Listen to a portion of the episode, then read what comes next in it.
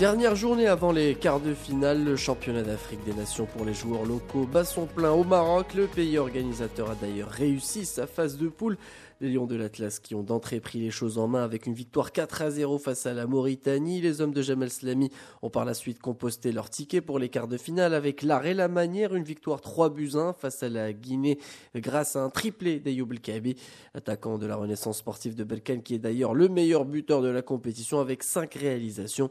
Et avec 6 points et une différence de but importante, le Maroc se devait de finir en beauté face au Soudan également qualifié pour les quarts. Et malgré un match qui n'aura pas connu de but, la sélection marocaine aura assuré l'essentiel au complexe sportif Mohamed V de Casablanca. Une première place du groupe A qui permettra aux nationaux de disputer les quarts de finale là où ils ont débuté, c'est-à-dire à Casablanca, au complexe sportif Mohamed V. La réaction de Naif Agerd au terme de la rencontre, il est au micro de notre envoyé spécial Fouad Hanaoui. C'était l'objectif de passer premier, quelles que soient les, conditions. Et voilà, aujourd'hui, aujourd'hui, on est, on est heureux d'être qualifié face à euh, contre des équipes qui, sont, qui méritent de passer aussi. Quand, on a vu le match de Guinée, c'était un match équilibré. Aussi, le Soudan, ils étaient très bien disciplinés tactiquement. Et comme je viens de dire, on est très, très heureux et là, il faut se concentrer au, prochain match. Alors, euh, rester à Casa, c'était l'objectif et rester aussi euh, pour ce public merveilleux de Casa.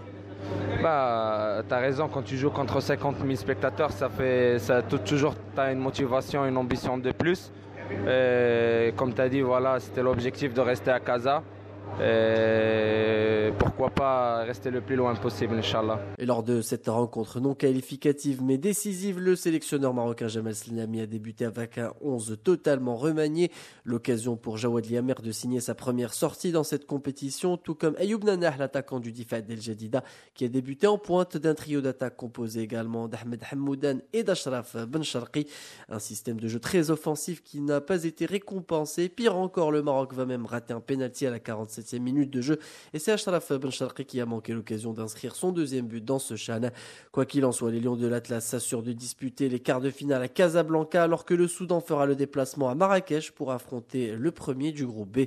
Globalement, cette phase de poule a été maîtrisée par le pays hôte. Retour sur ces trois rencontres de phase de poule et des objectifs prochains avec Jamel Slami, le sélectionneur des Lions de l'Atlas. Je pense que les atouts de notre équipe nationale ont fait la différence. On a, bien préparé, on a des joueurs qui ont plus d'expérience et nos joueurs ont l'habitude de jouer euh, sur cette fréquence de match. J'espère bien marquer à la première minute.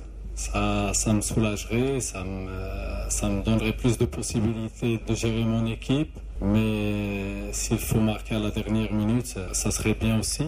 Le, plus important pour nous, c'est de gagner les matchs. Maintenant, j'espère, Inch'Allah, qu'on fera le, maximum pour, euh, pour, atteindre la finale, pour être présent le 4 et avoir toute l'équipe. Pourquoi pas, Inch'Allah, la remporter. Le Maroc va donc retrouver les quarts de finale samedi prochain à Casablanca. Les hommes de Jamel Slami connaîtront d'ailleurs dès ce soir leur adversaire en quart de finale et ça se jouera entre la Zambie et la Namibie qualifiées après avoir remporté leurs deux premiers matchs. Les deux sélections se retrouvent ce soir à 19h au grand stade de Marrakech au moment où la Côte d'Ivoire et l'Ouganda tenteront d'obtenir leur premier point avant de quitter la compétition. La Côte d'Ivoire, très attendue dans ce chan, aura déçu, un peu à l'image des seniors. Ibrahima Kamara, le sélectionneur des éléphants, tente d'expliquer cette désillusion. On l'écoute. De toute façon, le chan, c'est l'endroit où toutes les sélections locales euh, amènent euh, meilleurs joueurs de leur championnat. Donc c'est un élément où il faut se comparer. Si on reste sur les résultats uniques dans l'état actuel, on pourrait dire qu'effectivement on a du mal à se mettre à la hauteur euh, des autres pays.